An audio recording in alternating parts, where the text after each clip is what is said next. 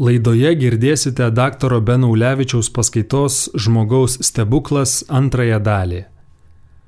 Trijų paskaitų ciklas renktas šeimos ir asmens saviugdos centro bendrakeleiviai pažinimų studijoje. Tai dabar bandysiu, prašysiu jūsų vaizduotės darbo tokio, ar ne? Sakykime, taip, Dievas sukuria pasaulį, Dievas pradeda kažką tai ir mes tikime, mes katalikai tikime, kad kūrinyje tebesitėse.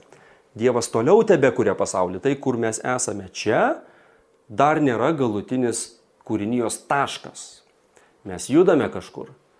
Tada būtų klausimas, o kur mes judame, į ką mes turim virst, jeigu mumis viskas dar nesibaigia. Labai gal nesunku atsakyti, mes pasižiūrim, kas yra pradžioje ir kas yra dabar. Ar yra kažkoks dėsningumas tarp pradžios ir į ką mes čia dabar patekom? Ir gali būti visai netikinti žmogus, kad pamatytum, tai panašu į planą. Išryškėja paveikslas. Kūrinijos pradžioje mes turime labai pasyvę būti, mineralinė, mineralinė būtis, ar ne, žvaigždžių dulkės, dalelės. Ta būtis negeba aktyviai įtakoti kūrybingų būdų aplinką. Tiesiog yra. Jie egzistuoja, veikiama dėsnių. Toliau palaipsniui ta būtis aktyvėja, daros vis aktyvesnė, atsiranda augalai. Atsiranda gyvūnai, kurie sugeba įtakoti augalus, jie gali ėsti augalus ir juos toliau sodinti įvairių gyvūniškų būdų, ar ne? Ir tada atsiranda toks gyvūnas kaip žmogus, kuris atsigrėžia atgal ir jis tiek aktyvus ir nepasyvus, jis gali paimti dalelės, įdėti į dalelių greitintuvą ir genetiškai modifikuoti e, kitas būtybės. Be galo, be galo aktyvi būtis. Bet žiūrėkit, kas yra keista. Būtent žmogus, kuris toks sudėtingas, turi sudėtingiausią genomą, toks kūrybingas, mums ilgiausiai užtrunka, kad mūsų jaunikliai išgyventų.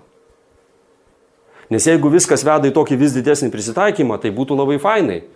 Mes dedam kiaušinius, iš jų įsirita jaunikliai ir mes galim toliau vystyti savo intelektą ir kurti technologijas, jie ten auga kažkokiuose tai inkubatoriuose, paskui šuolis intelektualus, intelektinis. Ne, yra, yra kitaip. Vėžliai taip daro, krokodilai taip daro. Šuniukas, kiek kai jis gimsta iš mamytės, kiek jis dar priklausomas nuo mamos. Kažunis pažįstat. Nu, kažkiek mėnesių. Mhm. Žirgai ir žmogus taiga. Devynių mėnesių neštumas. Kūdikis po metų yra absoliučiai bejėgis, jeigu tu jį paliksi be priežiūros. Po dviejų metų jis yra visiškai bejėgis. Po trijų metų praktiškai jis grina mirtis, jeigu jis neturi suaugusio pagalbos. Po keturių metų dar, sakyčiau, yra labai dar kažkaip tai. Nu dabar mes sakom, kad jau subręstame mes 50, dabar jau tokia teorija yra, ar ne? Ir paauglystė trunka iki 40. Bet, bet net ir biologiškai žvelgiant suprantam, kad tie 10 pirmųjų metų yra kažkas, nu gal ne 10, gal truputį mažiau, bet tu negali palikti to kūdikio. Ir dar beje, kas yra įdomiausia, jo instinktai neveikia. Taip kaip gyvūnų. Jeigu tu kūdikio nekalbini, jis netampa pilnai žmogišku žmogumi. Kai gimsta vaikas, ką darom mes? Mumise atsiranda labai keistas instinktas. Šiaip suaugę žmonės, tėtis ir mama pradeda elgtis taip, kaip niekad nesielgtų gatvėje ir niekad nesielgia prieš tai. Ir jei mano mama dabar prie jūs taip man darytų, būtų labai labai keista. Bet kai gimsta kūdikis, visi tėtis ir mama, bent jau ir močiutė ir dėdukas, pajaučia begalinę trauką prisikišti veidą prie kūdikio veido. Pirmas dalykas. Ir tada visai vaipytis. Ir sakyti, tiu, tiu, tiu, tiu, tiu. Ir kažkaip ten jį visai potukumuts. Niekada tokio tono negirdėjot. Aš žinau, mano vienam bičiuliui gimė vaikas, aš dar neturėjau vaiko ir galvoju, į ką jis pavirto, šitas kietas vyras baikeris. Negali patikėti, jis yra kažkoks visiškai išsilydęs ir jis visas sukištas į to kūdikio veidą. Kas čia per tokia dovana. Mes mėginame ištraukti iš vaiko žmogiškumą. Ir toks, e, teologas Hansas Urs von Baltazaras. Jis sakė, čia yra pamatinė žmogiška patirtis ir tą žino pedagogai. Jeigu vaikas nepatiria to veidas į veidą tos akistatos, arba patiria jos nepakankamai, kaip būdavo vaikų namuose, ar ne, arba tarp gyvūnų išaugę vaikai, po penkių metų jie nesugeba būti žmogiškų būdų, jie negali kalbėti, jie negali mėgsti kontakto, nes gyvūnų labai daugas nežiūri akis, gyvūnų akis yra šone, bet žmogaus akis yra prieki. Ir labai mažai gyvūnų turi šitą akistatos momentą. Ir ką mes čia darom? Kodėl žmogus negali tapti žmogumi pats iš savęs grinų instinktų pagalba? Atsiveria tokia erdvė, kur turim tarp asmeninį ryšį. Tai yra gyvūnas, kuris yra daugiau nei gyvūnas, nes jis tampa asmeniu. Ir gyvūnas paprastai yra, kas jis yra be didelių pastangų. Mes žmonės negalim tapti žmonėmis, jeigu mūsų gyvenime neatsiranda asmens. Ir jei mes patys nesuvokiam, kad mes esam asmenys. Jeigu mes neturime kito asmens, kuriam galėtume dovanot save, atsivert. Ir jeigu nėra aplink asmenų, kurie atsiveria mums, mūsų žmogystė kenčia. Kenčia šitas žmogiškumas. Be tikro asmeninio ryšio jokių būdų nėra be laisvos valios. Ir Aš jau baigiu nuvalkioti šitą pavyzdį, bet vis dėlto tik žmogus yra ta rūšis, kuri savo Facebooko paskyroje, kur yra relationship status, ar ne, gali parašyti it's complicated. Nes žvelgiant atgal į kitas pakopas, it's not very complicated. Žirgai, šunys, katės, faini, sudėtingi, gražus gyvūnai, bet tu gali maždaug pasakyti, kitą pavasarį, ką jie veiks. Ir tas ryšys nebus very complicated. Jis nebus labai sudėtingas, kitaip tariant, pasirinkimas. Bet žmogaus atveju žmogus puikiai supranta, kad priešais jį ir tai yra žmogaus gyvenime vienintelis faktorius beje, kuris jau neprogramuoja nieko ir jis negali nieko nulemti. Tokie faktoriai yra labai keli. Liga, pavyzdžiui, kurios tu nepasirinkai žmonės, kurie yra tavo gyvenime. Ir čia staiga tas kitas asmo, kurio tu, tu negali juo manipuliuoti. Tai yra kito asmens laisvė. Ir tu staiga suvoki, kad tai, kas esi tu ir tai, kas tave daro labiau žmogišku, yra, jeigu aš gebėčiau užmėgsti tikrą, mes sakom, autentišką ne, meilės ryšį su kitu laisvu. Ir tau širpsta oda iš baimės. Nes tai yra baisu. Tu negali kito žmogaus priversti tave mylėti. Tu negali jo priversti mylėti tave amžinai. Ir tu supranti, kad čia santykių diapazonas, jūsų santykis gali tikrai virsti į dangų arba į pragarą. Ir tada mes sakom, Dieve, mums padėk. Ir tada visokių istorijų ir visaip. Bet šitoj visatos istorijoje, kas čia tokia per būtybė, kuris taiga iš tų būtinių grinųjų reikmių vis labiau persikelia į tarp asmeninį ryšį. Ir mes labai labai daug galim paukoti dėl asmeninio ryšio. Tai yra labai įdomu. Tai e, teologai ir filosofai apie tai kalbėdavo maždaug taip. Sakydavo, na, tai iš tikrųjų žmoguje yra susumuota, apibendrinta visa kūrinyje. Ir šitas taškas, kur kūrinyje atsirado laisvas laisva būtybė, kuri dairosi aplinkui ir staiga supranta, kad ji viską šitą gali paversti dangų arba į pragarą. Čia yra kūrinijos pasirinkimo momentas. Štai kuria prasme Adomas, Jėva arba žmonija kaip tokia, mes esam kūrinijos kunigai. Mes galim atvesti visą kūrinyje į Dievą arba nugręžti visą kūrinyje šalin. Mistiškai mumise yra susumuotos visos prigimtis ir aš to jau tą e, pabandysiu paaiškinti dar vieną. Jo, kaip, kaip apie šitą apibendrinimą kūrinijos e, mumise kalba teologai. Jeigu šitoj vienoj patalpoj būtų akmuo, kaktusas, katinas ir, ir žmogus. Yra keturios skirtingos būtybė, sakyčiau. Akmuo ne visai pavadinsi būtybę, bet tu turi keturis pasaulio variantus. Pasaulis šitiem keturiem yra visiškai skirtingų būtų, būdų šitoj vietoj. Jau vien kalbant apie tai, kad žinojimo lygis skiriasi. Pavyzdžiui, akmuo turbūt nežinotų, kad aš čia esu, nors aš žinau, kad akmuo čia egzistuoja, kad jis yra čia, kad jis tūno.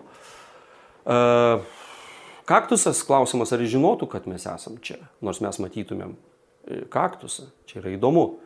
Kai mes kalbam apie sudėtingesnės būtybės, pavyzdžiui, angelai, sakom, mes jų nematom, bet jie mus mato. Gali būti, kad tarp angelų ir mūsų ryšys panašus kaip tarp mūsų ir kaktusų. Mes matom kaktusus, bet kaktusai nemato mūsų, nors yra visai visai šalia. Mūsų imtuvai truputį per grubus patirti angelus. Bet e, teologai sakydavo, kad ir filosofai taip pat, kad šitos būtybės yra pakopos, kurios mumise yra. Tai yra skirtingo lygio ryšys su tikrove. Ir mes žmogų labai nesunkiai galim įsivaizduoti kaip mineralą, kaip augalą, kaip gyvūną ir mumise yra apibendrinti mineralai, augalai, gyvūnai. E, pavyzdžiui, ar galim įsivaizduoti žmogų kaip mineralą, kaip akmenį? Kokioj kondicijoje žmogus būtų kaip akmuo? Na, pavyzdžiui, lavonas. Taigi jis yra ir suyra ir pavirsta į mineralinę būtį, į, į dulkes, iš kurių jo kūnas ir buvo padarytas. Jis yra šitoj patalpoj tuo pačiu metu, mes matysim, kodėl tai svarbu, bet ar, jis, ar jam šitas pasaulis egzistuojantis? Ar jis gali turėti, ir čia tas labai svarbus teologinis žodis, jūs atleiskit, bet aš netyčia vis tiek pereinu į teologijos fakulteto e, paskaitas ir jūs turėtumėt gauti diplomą dabar, bent jau už e, dalį išklausytos informacijos.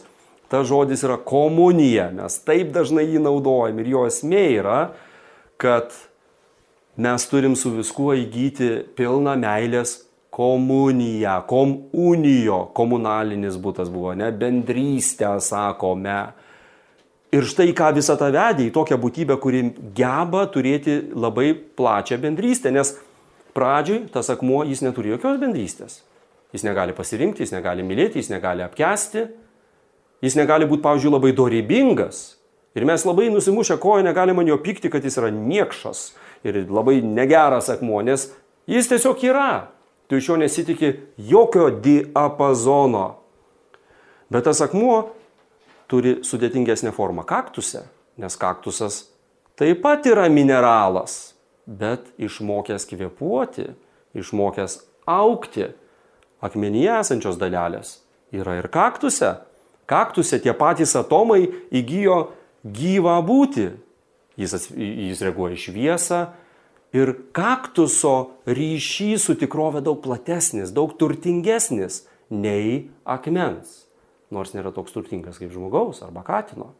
Pagaunat ar ne? Gerai. Ar žmogų galima įsivaizduoti kaip kaktusą? Galima. Pavyzdžiui, gyvas organizmas, pajungtas e, aparatais, nėra jokios sąmonės, nors mes labai atsargiai kalbam, mes nekalbam apie žmonės kaip daržovės, bet šitam palyginimui to užtektų. Jei galėtum įsivaizduoti tokį žmogų, kuriame visiškai nėra, sam, pavyzdžiui, mirusios smegenys. Smegenys mirusios, Bet nagai auga, plaukai auga, kvėpavimas vyksta, šalinimas medžiagų kažkoks vyksta, reakcija išviesta vyksta. Tu turi žmogų, kurio ryšys su tikrove yra panašus į to augalo. Jam ryšys su tikrove, šitam organizmui žmogiškam, ir aš dabar nekalbu apie žmogaus sielą, tai yra slėpinys, jam turbūt ta, tas kambarys atrodytų panašiai kaip tam augalui. Bet tada mes matome, kad to eigoj tie augalai staiga įgyja dar sudėtingesnį buvimą ir mes sakom, nebe Dievo valios, nes tokį procesą tu negali padaryti automatinį. Kartais man atrodo maža, kas per ilgą laiką gali nutikti. Padėsi mėsos gabalą į šaldytuvą ir jei milijonus metų suteiksi tam mėsgaliui, tai jis galėtų pavirsti ir į karvių bandą, bet taip nebus. Tai čia yra kažkoks tai ypatingas programavimo procesas ir tas augalas virsta į gyvūną ir gyvūno ryšys su tikrovė yra dar aktyvesnis, dar pilnesnis nei to augalo. Jis gali augalą suėsti, jis gali jį parversti, jis gali judėti, gyvūnas turi emocijų pasaulį, gyvūnas turi mąstymo pradmenis, gyvūnas turi atmintį, kuri yra daug sudėtingesnė nei augalo. Ir iš tikrųjų iš gyvūno mes truputėlį jau pradedam tikėtis tam tikro moralinio atsakingumo.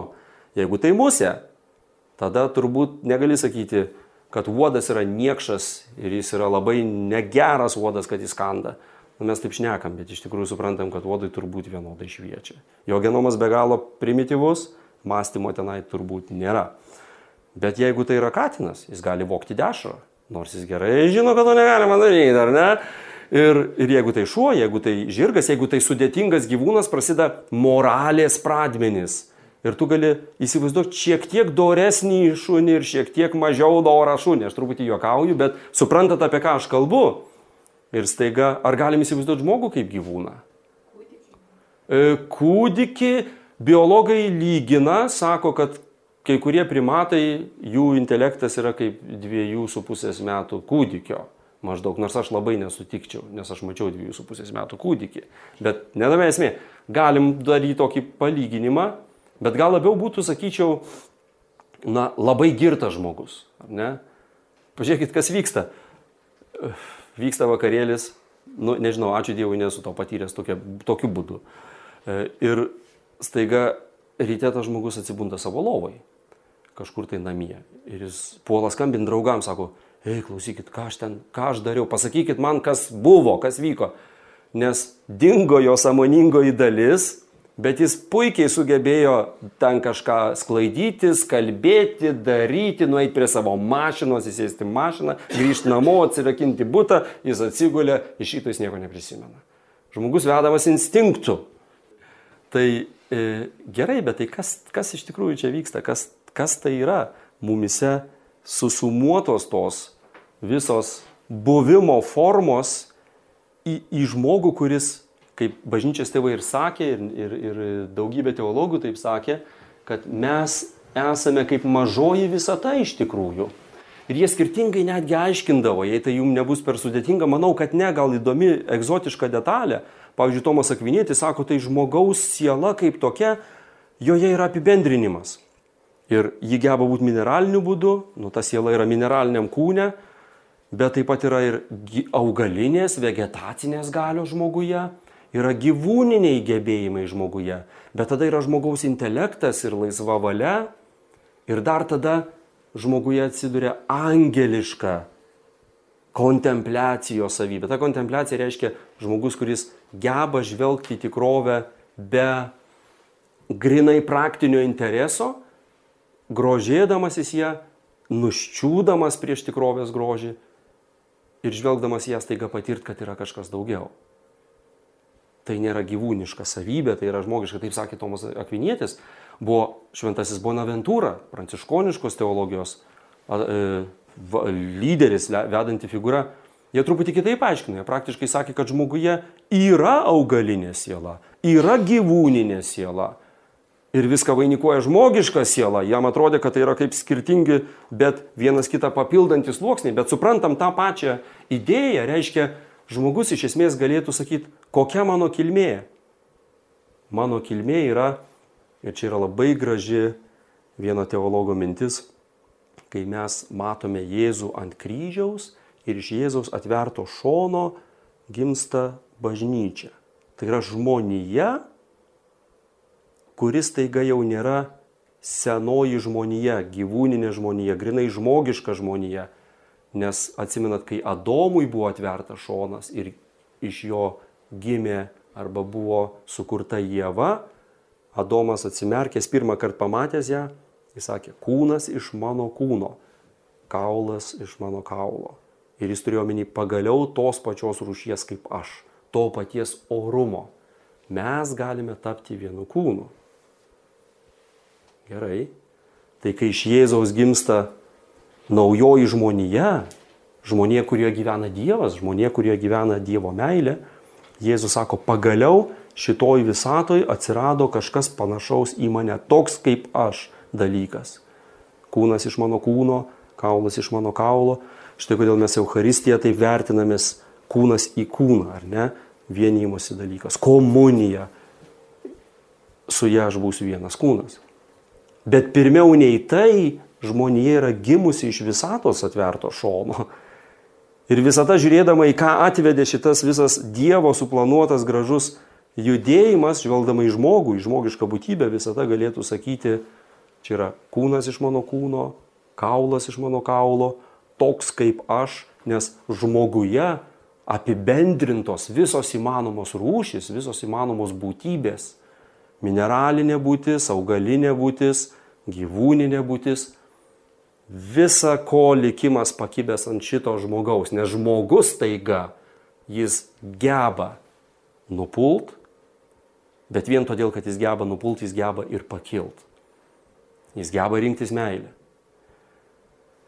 Ir kuo dalykas yra uh, geresnis, tuo baisesnis jis tampa nupuolęs. Ir čia jau Liujiso mintis, kurią aš jau šiek tiek ir minėjau, Liujisas sako teisingai, mes nesitikim, kad sliekas gali būti labai dorybingas arba labai piktavalis, taip įval, ar ne. Bet sako, žiūrėkit, toliau mes matome būtybę, kuri yra pats tobuliausias Dievo arkangelas. Serafas, ne arkangelas, ne? Bet kai jis nupuola, jis tampa pačiu šėtonu. Tu negauni šėtono, tu negauni paties didžiausio blogio iš nupuolusio katino. Tu patį didžiausią blogį gauni, kai sugenda pats didžiausias gėris. Tas diapazonas laisvo pasirinkimo atsiranda šiurpinantis. Ir mes dabar žiūrim, ką žmogus gali padaryti su kitu žmogumi, su pats savimi, su kitom rūšim, su šita kūrinyje, su savo vidiniu pasauliu mes turim tokį diapazoną įmanomų scenarijų, nuo paties gražiausio iki paties baisiausio. Ir štai ką reiškia būti žmogumi. Ir tai yra didelė našta, tai yra svoris. Nelengva būti žmogumi, nes būti žmogumi reiškia, kad mūsų mintys keičia visumą, mūsų žodžiai, mūsų mąstymas keičia visą tikrovę. Štai kodėl taip svarbu, kas žmoguje apsigyvens kas taps šito žmogaus ištekliai. Žmogus stovi kaip atvira sistema ir Dievas sako, ar paimsi mano gyvybę, aš galiu apsigyventi tavyje. Bet tu esi laisvas rinktis. Ir kartais mes sakom, o kaip būtų gerai, kad būtų nelaisvas, ar ne? Nu kodėl Dievas negalėjo sukurti taip, kad visi visada rinktųsi gėrį, ar ne? Galėjo. Aišku, galėjo. Galėjo sukurti mano žmoną, kad ji visada sakytų man taip, Ir visada sakytų, aš tave myliu. Ir nebūtų jokių konfliktų. Bet ar tai būtų kitas asmuo? Dievas galėjo žmogų padaryti kaip tobulą robotinę gėrio programą.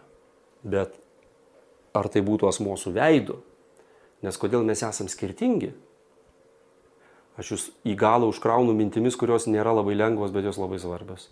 Kodėl mes skiriamės? Kodėl va čia mes susirinkę nesam tokie patys? Beje, prieš kelišimtus metų mūsų protėviai mažiau skyrėsi vienas nuo kito.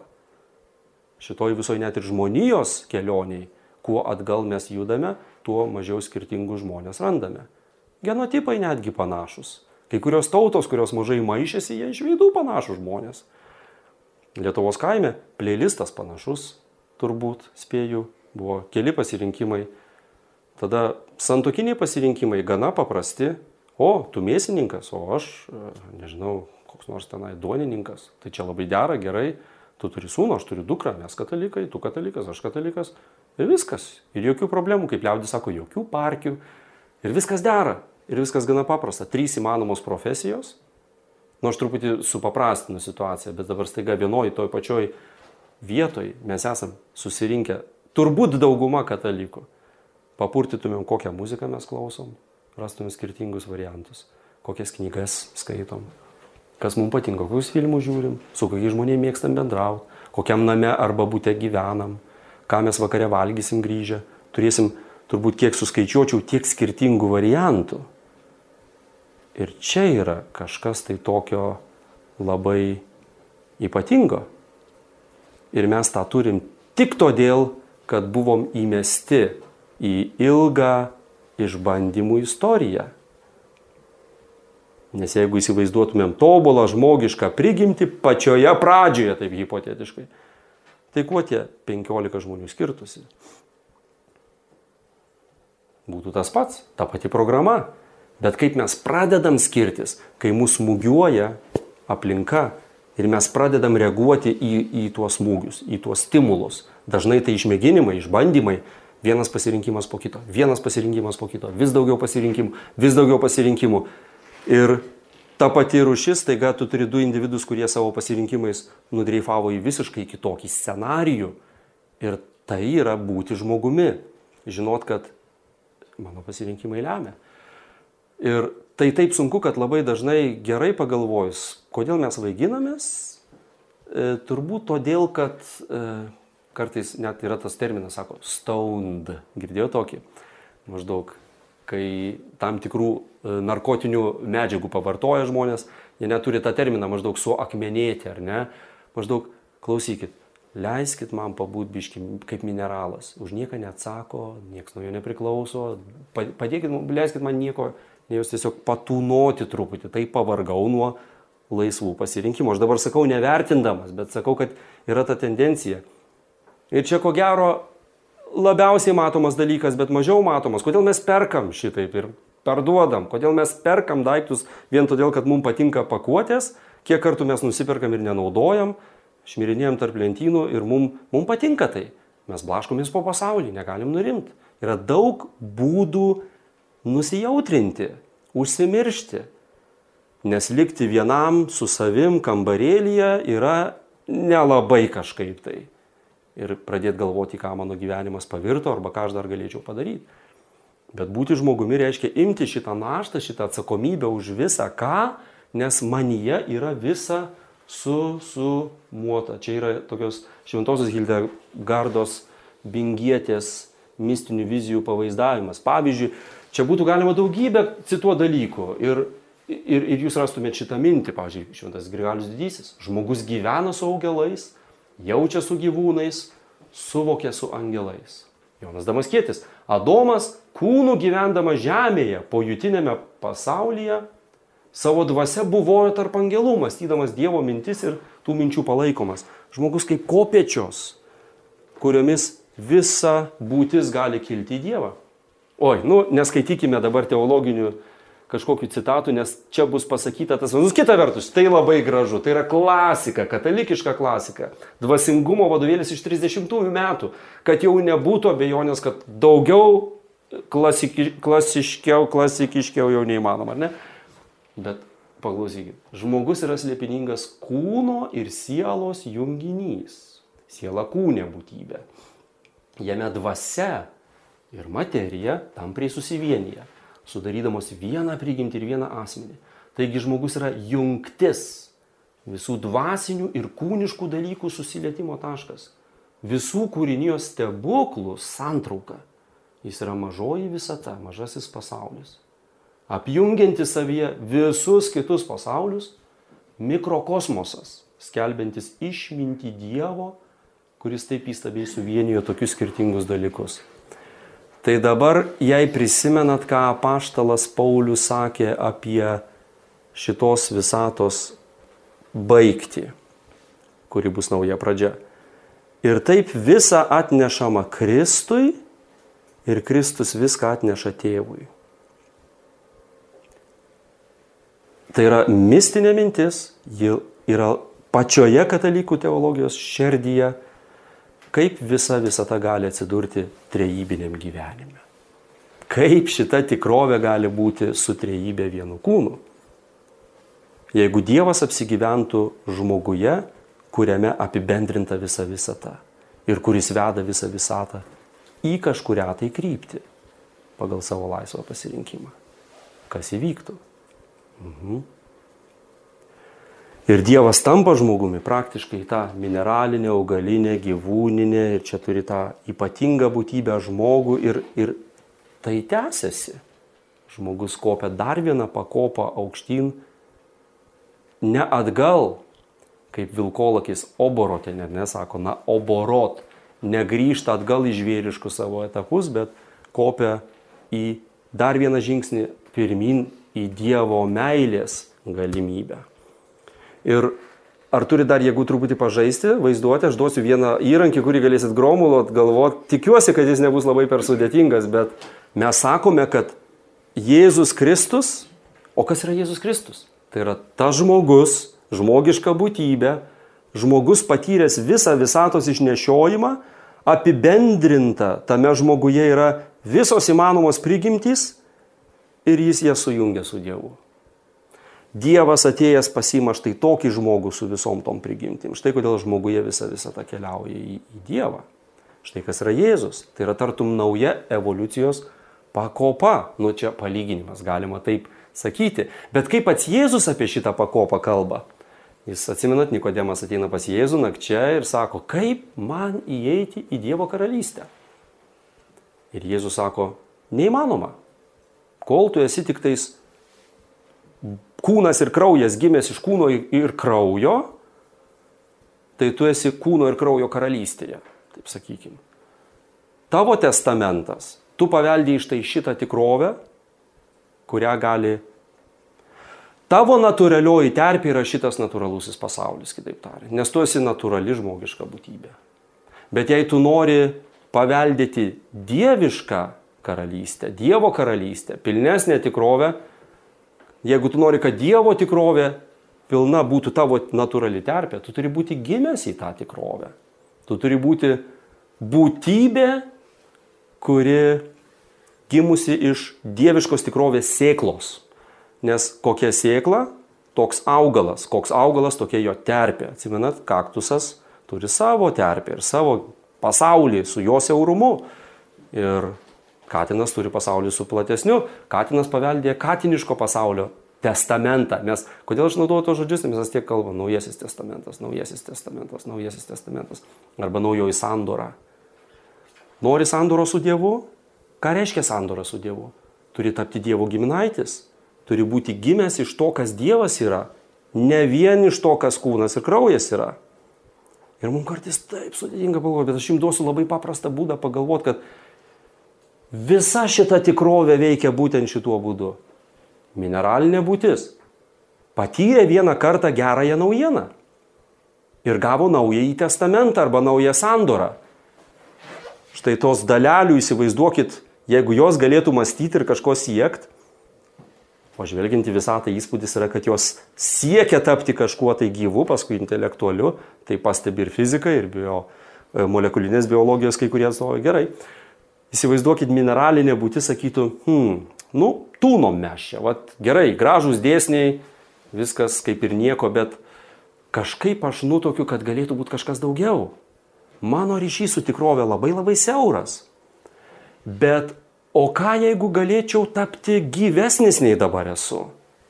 Įsivaizduoju, kad turėtų būti tokia augalinė buvimo forma, kur mineralai gali kvepuoti, plėtotis, gimdyti vieni kitus per tą sėklą, grūdą. O kaip aš norėčiau patekti į augalų karalystę, sako mineralas, pagaunat?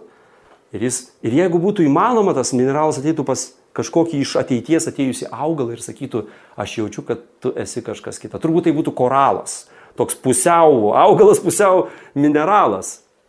Ir sakytų, kaip man patekti į augalų karalystę? Aš suprantu, kad tavo tikrovė yra turtingesnė, tu turi turtingesnį ryšį, komunijo ryšį su visu kuo. Ir ką sakytų augalas, sakytų, amen, amen, aš sakau tau, tu negali įeiti į augalų karalystę, jeigu esi mineralinė būtis, tu turi būti gimęs iš grūdo, iš sėklos, nes kas yra mineralas, gyvena mineraliniam testamente, tu paveldėsi mineralinį pasaulį. Bet kas yra gimęs iš sėklos, yra augalas. Aha, tai įmanoma? Įsivaizduokim, tai įmanoma. Ir mineralo būtyje įvyksta geroji naujiena. Mes taiga tampa, mes gaunam mineral augalį. Nes augalė mineralai yra. Ar jūs dar gyvi? Įsivaizduot, kur aš tęsiu, jau suprantat ar ne. Tada augalas sako, brat, viskas taip fainai, neblogai. Ir įsivaizduokit, gyvūniškos būties dar nėra, bet ateina kažkoks gyvūnas iš ateities ir mineralas. Tai turbūt būtų kas čia tokio. Būna tokios, tokie gyvūnai, kurie beveik panašus į... E, čia matot, yra labai svarbi graži mintis. Teologai sakė, kad vis dėlto tose e, rūšių tam skirtume, čiagi nėra tokių labai griežtų ribų. Ir pavyzdžiui, patys primityviausi augalai labiau panašus į mineralus nei į sudėtingiausius augalus. Nu, pavyzdžiui, koralinės ten kažkokias tai dalykas, tu net negali žinoti, ar čia akmenukas, ar čia augalas, jeigu nežinai, kas tai yra. Bet sudėtingiausias augalas darosi panašus į primityviausią gyvūną, labiau nei į primityvų augalą. Pavyzdžiui, atsimenat, tie, kur musės gaudo. Aš nusipirkau kažkada, atsinešiau namo, Nu, negražu, prisipažinsiu, bet gaudžiau uodus ir kišau. Ir kankinau vargšus uodus. Ir tas augalas taip, takš, ir pagaunu ir tu galvoji, negali būti, čia geraumens veikla matosi. Tiesiog atrodo, kad jis yra kažkas dar truputėlį ir jis akytės atsivers, ar ne? Ir primityviausias gyvūnas, jis panašesnis į labai sudėtingą augalą negu į sudėtingiausią gyvūną. Pavyzdžiui, kokie nors ten vienalaščiai. Arba kažkokie tai ir taip toliau ir panašiai. Ir panašiai pats švenčiausias žmogus panašesnis jau į žemiausios rušies angelą, negu į labiausiai nužmogėjusių žmogų. Nes labiausiai žmogiškumą praradę žmogus kartais taip nutinka, labiau panašus į patį kompleksiškiausią, sudėtingiausią gyvūną, bet ne į švenčiausią žmogų. Čia yra, čia yra tokia dinamika, ar ne? Ir žemiausias pakopos angelas panašesnis į šventą žmogų, nei į aukščiausios pakopos angelą. Aukščiausias pakopos angelas panašesnis į Dievą, nei į žemiausios pakopos angelą. Ir mes kalbam apie serafus. Jie yra ugniniai, nes Dievo sostas ugninės. Taip, nu čia, čia palyginimų jau kalba, be abejo, suprantate. Ir ateina pas tą gyvūną tas augalas ir sako, kaip man patekti į gyvūnų karalystę. Aš norėčiau judėti, aš norėčiau jausti, aš norėčiau, a, gal kažkas tokio. Ir sako, tu negali, kol tu gimęs tik iš grūdo, iš sėklos. Kas gimė iš grūdo yra grūdas ir augalas. Tu paveldėsi senąjį testamentą, tavo testamentas, tavo paveldas bus senoji augalinė terpė. Nori paveldėti naują testamentą, naują sandorą, jungti turėti su aukštesnio lygio gyvybę, kuri turtingiau patiria šitą tikrovę, tu turi būti gimęs į lizdą arba iš kokių nors gyvūninių iššių, nežinau kaip čia įsivaizduoti, ar ne urve, o ne, o ne taip. Ir, ir suprantat, kur mes kalbam. Ir tada gyvūnas ateina pas žmogų iš ateities. Ir sako, aš suvokiu, kad aš galėčiau įgyti daugiau laisvą valią ir, ir intelektą, gebėti rinktis, mylėti ar nekest. Kaip man įeiti žmogaus karalystę. Taip, tu turi būti gimęs iš žmogaus ir būti pašauktas vienyti su Dievu žmogišku būdu. Ir gyvūniškoji būtis paveldėja naująjį testamentą, naująją sandorą su tikrove, daug pilnesnį, turtingesnį tikroviai buvimo būdą, žmogišką buvimą. Mumise yra tie augalai, mumise tie gyvūnai, jie visi, mes esame reprezentacija tos visatos. Ir čia pagrindinis klausimas, ar mes tapsime šitai visatai ir Dievo reprezentacija. Jėzuje Kristuje taip mes tapome. Ir čia yra toks įdomus kalbėjimas, kai Naujasis testamentas sako, kad mes viską jau kaip ir padarėm. Ir sako, kad viską jis padarė už mus. Atsimenat, nėra labai lengva suprasti. Tai ką tai reiškia? Tai reiškia, kad man nieko nereikia daryti, galiu elgtis kaip noriu. Ne. Yra tai, kad žmonija jau suvienijo visą visatą su Dievu viename iš mūsų - Kristuje. Jis tai padarė. Jis yra jungtis tarp to, kas aukščiausia ir to, kas mažiausia. Jame įvyko naujoji sandora, kur visi dalykai Dievo meilėje apjungti. Ir štai kodėl iš tikrųjų apie tą Kristų taip galvojant gniaužia kvapą. Jis apriepia viską. Jis yra visuminis žmogus ir, ir Dievas įžengęs į kūrinį. Tai štai gal pabaigai galima pareflektuoti, noriu papasakoti labai trumpai apie nerealaus grožio knygą. Iš tikrųjų, įspūdingiausia, ko gero, ką skaičiau, yra Liujiso knyga e, Kol įgysime veidus. Ji dar neišversta į lietuvių kalbą. Nes mes galėtumėm įsivaizduoti, kad esame žmonės be, be veidų. Mums duoti įrankiai, nu, čia labai raumeningas žmogus, kito neradau, e, save nulibdyti. Mes taip pat dalyvaujame savo veido kūrime, savo, sav, savęs libdyme. Ir knyga yra tokia poetinė vizija apie dvi seseris senovės laikuose, tokiuose pagoniškoji visuomeniai, kuri garbina dievus dvi valdovo dukros. Viena yra gražioji ir įspūdingoji, kita yra tokia pilka pelė, sakykime. Ir dar jom jaunom esant jos labai nuostabiai myli viena kitą, bendrauja, draugauja, geriausios draugės. Ta gražiąją seserį e, nusprendžia gentis paukoti dievam dėl tam tikrų priežasčių. Ir seserys išskiriamos. Ir toliau visa visa knyga, neminėsiu ten kai kurių mistinių detalių, bet yra apie tą pilkąją seserį, kuri visą gyvenimą e, ją kamuoja skausmingas klausimas.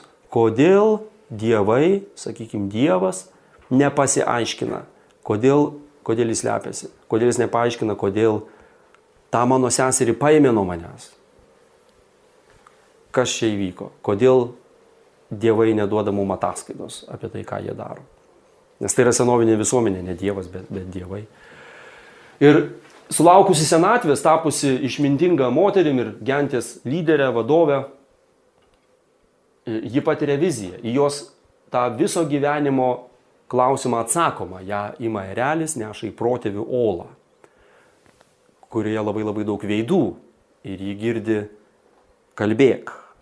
Ir jis supranta, kad dabar jį turi tą šansą pagaliau pasakyti savo priekaištus Dievui arba užduot klausimus. Ir ji pradeda kalbėti, bet kai ji prasižioja, staiga su siaubu supranta, kad tai, ką jis sako, yra visai ne tai, ką jį mane, kad jį pasakys. Iš jos plūsta grinas įniršis, e, pagėža ir jis sako, tas sesuo buvo mano, ji priklausė man, kaip tu drįsai atimti ją iš manęs. Ir ji norėtų liautis, bet negali. Ir staiga pažvelgia žemyn, mato, kad jį laiko mažą rytinėlį ir skaito jį. Jis sako to žodžius, kai jį perskaito, apverčia jį ir skaito toliau, kai perskaito vėl apverčia ir staiga susiaubu supranta, kad tai truks amžinybę. Ir viskas. Ir tada pasigirsta balsas, pakaks, enough, užtenks. Ar dabar tu supranti? Ir knygos pagrindinė mintis yra, kad e, Dievas niekad neslėpia savo veido ir Dievo veidas visada yra mums prieinamas. Bet ar mes turime veidą, kuriuo galėtumėm pažvelgti Dievo veidą? Nes šviesa ir šešėlis yra nederantis dalykas. Kaip tu gali bendrauti su grinu atvaizdu? Mes esam Dievo kūriniai, bet ar mes tapom Dievo vaikais? Mums atrodo, kad mes žinom, ką mes pasakytume ir mums atrodo, kad mes asmenys. Ir taip mes esame asmenys. Kažkiek. Bet vienas Dievas yra tikras asmuo. Ir kaip mūsų iš daugybės baimių, daugybės programų sudėliotas asmeniškumas, kur yra ta laisvos valios kibirkštis, kuri gali tapti kažkuo iš tikrųjų, ką galima pavadinti tu. Tu. Ne automatas, bet tu. Kaip šitas fragmentas, šitas mažas dalykėlis ar jis nesuparalyžuojamas, kai prieš tave yra tikrasis tu, Dievas, kuris pats yra grynas veidas, grynas asmeniškumas. Jo akivaizdoje gal tu pasirodysi kaip programa. Mums atrodo, kad mes žinom, ką norim pasakyti, bet jo akivaizdoje mes būsim nuogi ir pasigirs iš tikrųjų tikroji mūsų širdies kalba, kurios gal mes visą gyvenimą nepažinom. Ir mums duotas gyvenimas su jie susipažinti. Ir gal tame susitikime mums pavyks tarti vieną tikrą žodį ir jis bus mūsų išgelbėjimas. Kažkas tokio. Tai, tai nėra teologinė knyga, tai yra daugiau išvalga, kvietimas maždaug e, pabandyti tą pajautą patirti, kad mes tampame tikresni, mes tampame vis labiau tuo, kuo, kuo nebuvome ir, ir klausimas, o kuo mes tampam. Nes mes į savo sielą įdedam vis naujus dalykus. Kiekvienas naujas sutiktas žmogus yra, jis atsiduria ir mumise. Atsiranda nuo to laiko toks žmogus, kuris vaikšto ne vien tenai, bet jis jau yra ir tavyje. Ar ne? Mes nešiojamės maldoj. Kiekvienas žmogus, kurio mes nekenčiam, jis jau atsiduria ir mumise. Ir tai yra mūsų informacijos dalis. Ir atsimenat iš perėtos paskaitos, informacija yra vienintelis dalykas, kuris yra nesunaikinamas. Fizikai su tuo sutinka, bet daug anksčiau tą sakė ir tebe sako teologai, ir bažnyčia, ir pats Jėzus, ir šventasis raštas. Tai nuostabu mums čia unikaliai susitikti tokiem nuėjusiam, kaip pasakyti, milijonų metų kelionė ir esam dabar šitam taške tokie. Vat. Tai labai nuostabu, kad šitam taške susitikom. Laidoje girdėjote dr. Benaulevičiaus paskaitos Žmogaus stebuklas antrąją dalį. Trijų paskaitų ciklas renktas šeimos ir asmens saviugdos centro bendrakeleiviai pažinimų studijoje.